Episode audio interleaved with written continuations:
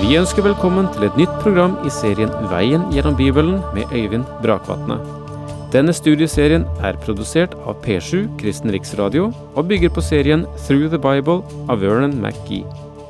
I dag fortsetter vi med profeten Zakaria.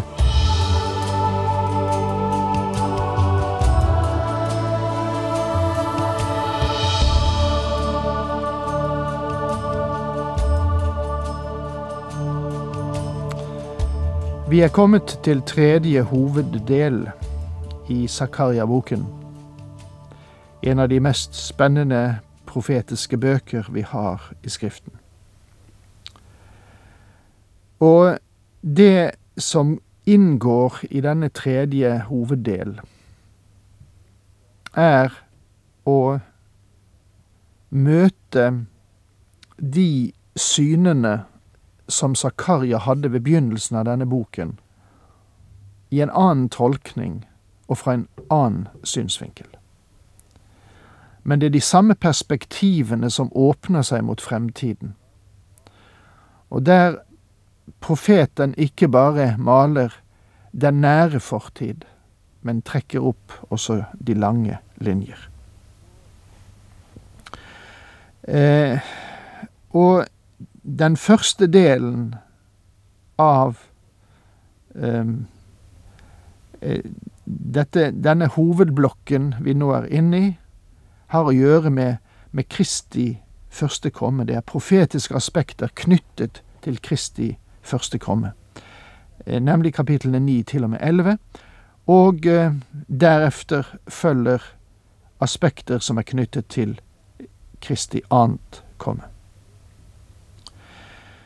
I de første åtte versene i kapittel ni, som vi begynner på i dag, leser vi om dommen over de fremmede folkeslagene som omfattet Alexander den stores rike.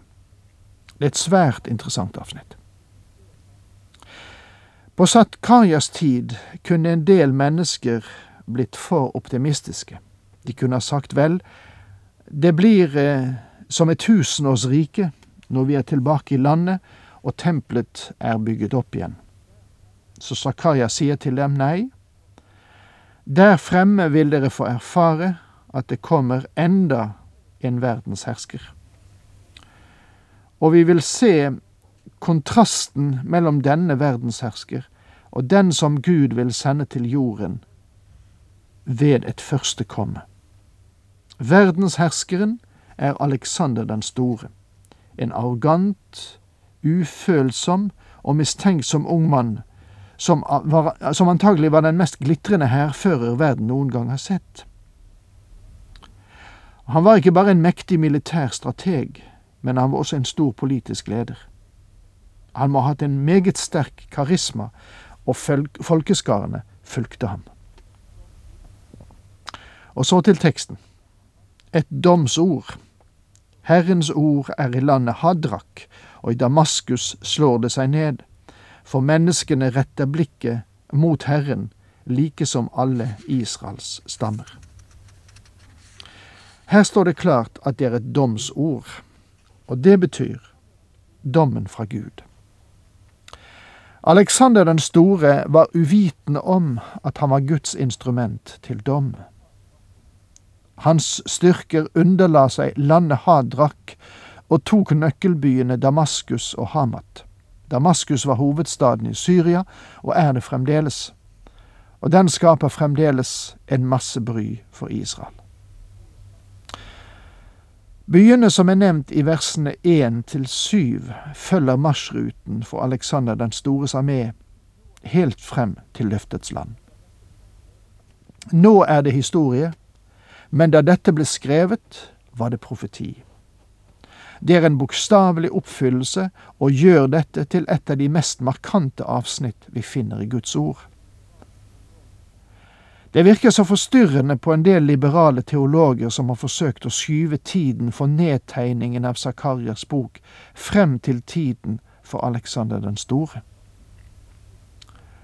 Alexander forlot Europa og krysset over til Lille Asia, nå det moderne Tyrkia, og la under seg by etter by.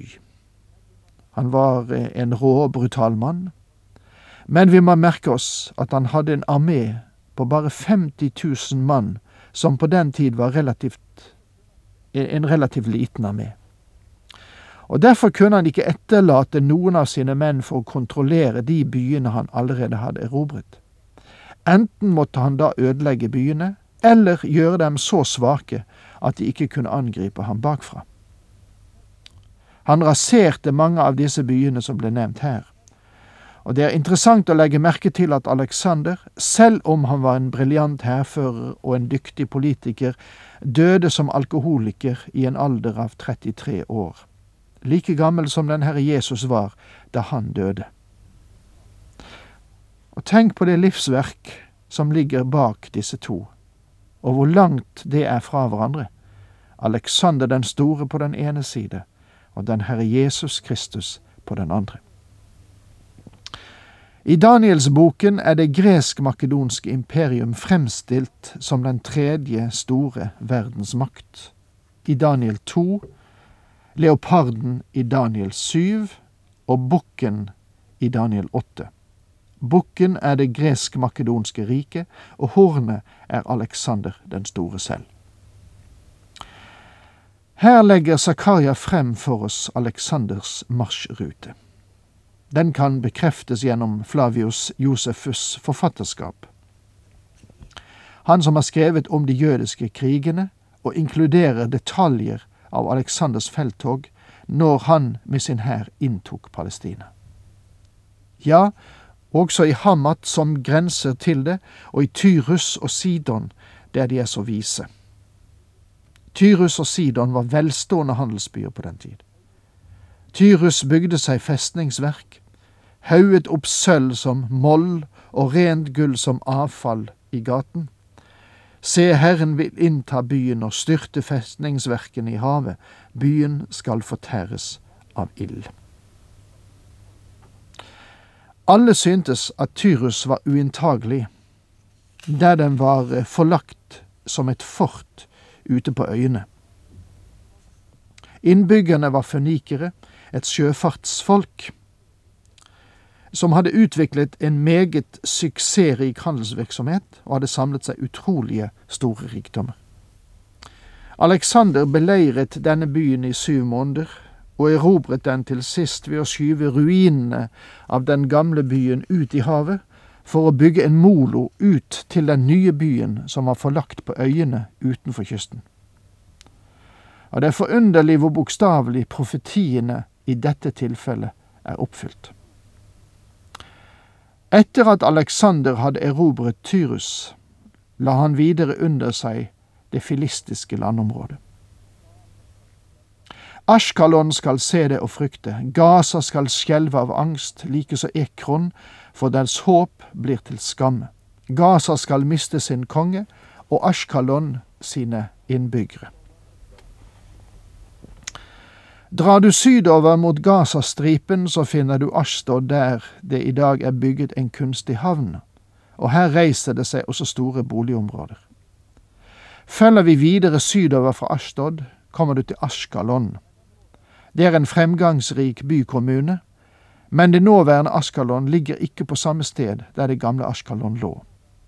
Det opprinnelige Askalon lå helt ved strandbredden, og det finnes fremdeles ruiner av den nå.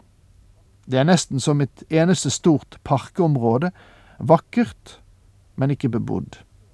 Det er ingen by der lenger, og det er forunderlig å se hvordan Guds ord bokstavelig talt ble fullbyrdet.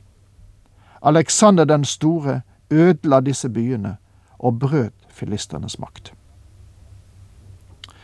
I Ashtod skal det bo et blandingsfolk. Jeg vil gjøre ende på filisternes stolthet. I Ashtod skal det bo et blandingsfolk. Det sier ikke at Ashtod ikke skulle være bebodd. Det sies bare at det ikke vil bo en fremstående folkegruppe der. Og Ashtod er også bebodd i dag. Jeg vil gjøre ende på filisternes stolthet. Alexander den store knekket filistene som en nasjon.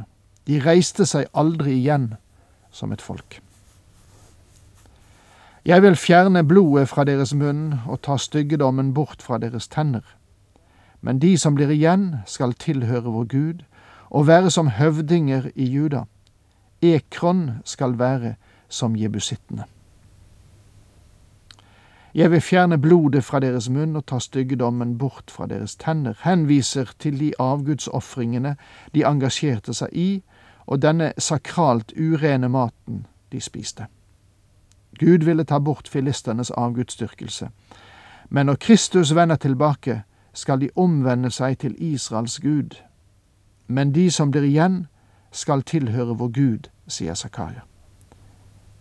Filistea skal bli en del av Guds folk og skal arve Israels velsignelse. Alexander den store ødela alt som han okkuperte. Selv om han måtte noen, måned, vente noen måneder for å erobre en by, som for eksempel Tyrus, så vek han ikke fordi han eh, ville ikke etterlate noen sterke festningsverker der han for frem. Han var redd for å bli anfalt i ryggen. Og nå nærmer han seg Jerusalem. Hva vil han gjøre med Jerusalem? Vel, vi har et underlig vers her, og det står slik. Jeg vil slå vakt om mitt hus, til vern mot dem som kommer og går. Aldri mer skal noen voldsherre dra fram imot dem, for nå har jeg sett det med egne øyne. Jeg vil slå vakt om mitt hus, henviser, tror jeg, til det lille tempelet som de holdt på å bygge. Gud sa at han ville beskytte det mot Alexander den store. Gud sa det, og Zakaria hadde mot til å nedtegne det, fordi han kunne stole på nøyaktigheten i Guds ord, og trodde at det ville bli fullbyrdet. Ble det fullbyrdet? Ja, det ble det. På en helt utrolig måte. La meg få referere til eh, historikeren Flavius eh, Josefus igjen. Han forteller at øverstepresten i Jerusalem hadde et syn der han fikk beskjed om å gå ut og møte angriperen som kom, og han ventet på Aleksander den stores komme. Da de så hæren nærme seg, gikk ypperstepresten eller øverstepresten og de øvrige prestene kledd i fint lin og øverstepresten i sin purpurfargede drakt, med den gylne brystplaten der Guds navn var inngravert, frem for å møte denne hæren. De, de hilste Aleksander den store, og med stor overraskelse så hele hæren og syrerkongen som fulgte ham, at Aleksander den store bøyde seg for ypperstepresten. Han hadde aldri bøyd seg for noen før. Parmenio spurte hvorfor han bøyde seg for jødenes øverste prest, og til det svarte han, Jeg tilba ikke ham, men den Gud som æret hans embete som øverste prest. Og med det må vi si takk for nå, Herren med deg.